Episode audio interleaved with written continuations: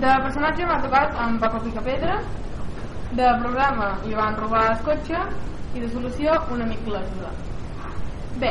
això és un home que des que era petit volia ser advocat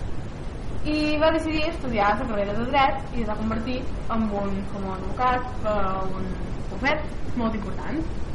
però un dia van tenir un problema molt gros i va perdre un cas molt important i això va fer una al·lota petita, innocent, l'educació del reformatori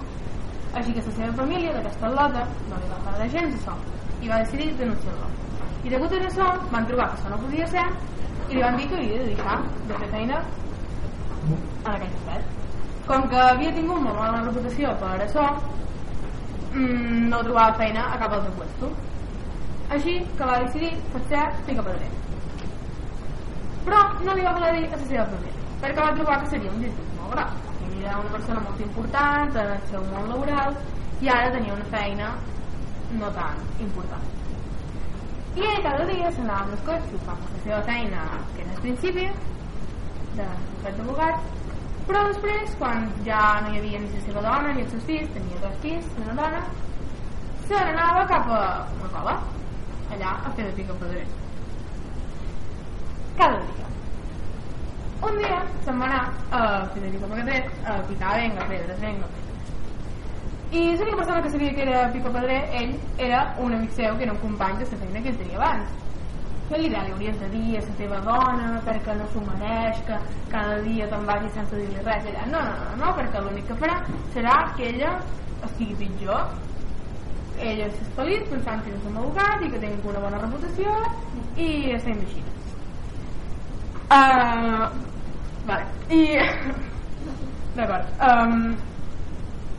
un dia se'n van allà a fer de pica pedrer i es va posar dins una cova molt fosca que estava molt, molt, molt en el fons, molt, molt, molt en el fons de la terra.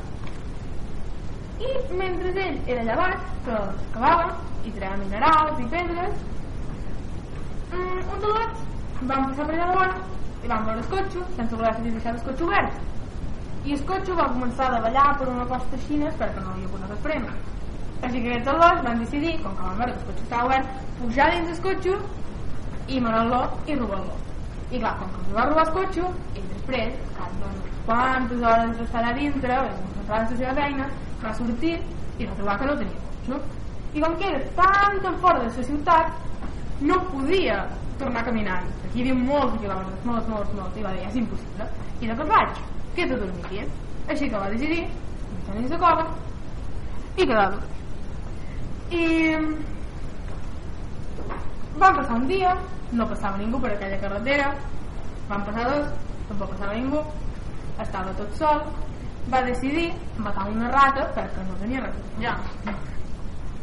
Uh, la seva família estava preocupada perquè es pensava que encara feia feina de bufet d'advocats i clar, van anar allà dient escolta, se la va dir Alam, perdona, però el meu home fa dos dies que no ve a nostra, això no sé si l'heu matat o li ha passat cosa, però per favor digueu-me, ho entès? I la li va dir, no, clar, el teu home el van despedir fa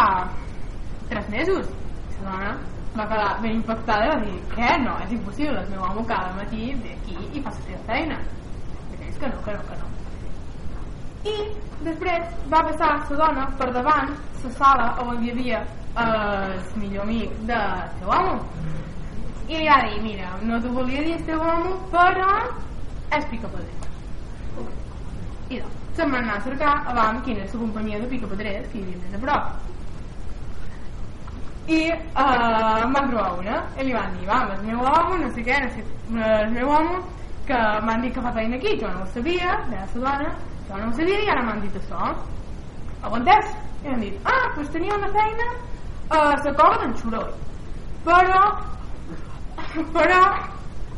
no ha tornat li deu haver passat cosa aquells estan tranquils la dona li va agafar un atac de locura i va dir, pues cap a l'escola d'en Xuroi van anar vinga amb el cotxe cap a l'escola d'en Xuroi i quan van entrar es van trobar l'home allà que li faltava aigua estava deshidratat i el van agafar i el van tocar a l'hospital que li van posar una dota en tres dies només havia menjat una rata i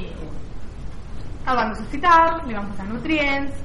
va veure molta aigua, va anar a casa seva, li va explicar la història, son pare i sa, mà, a sa dona i fills,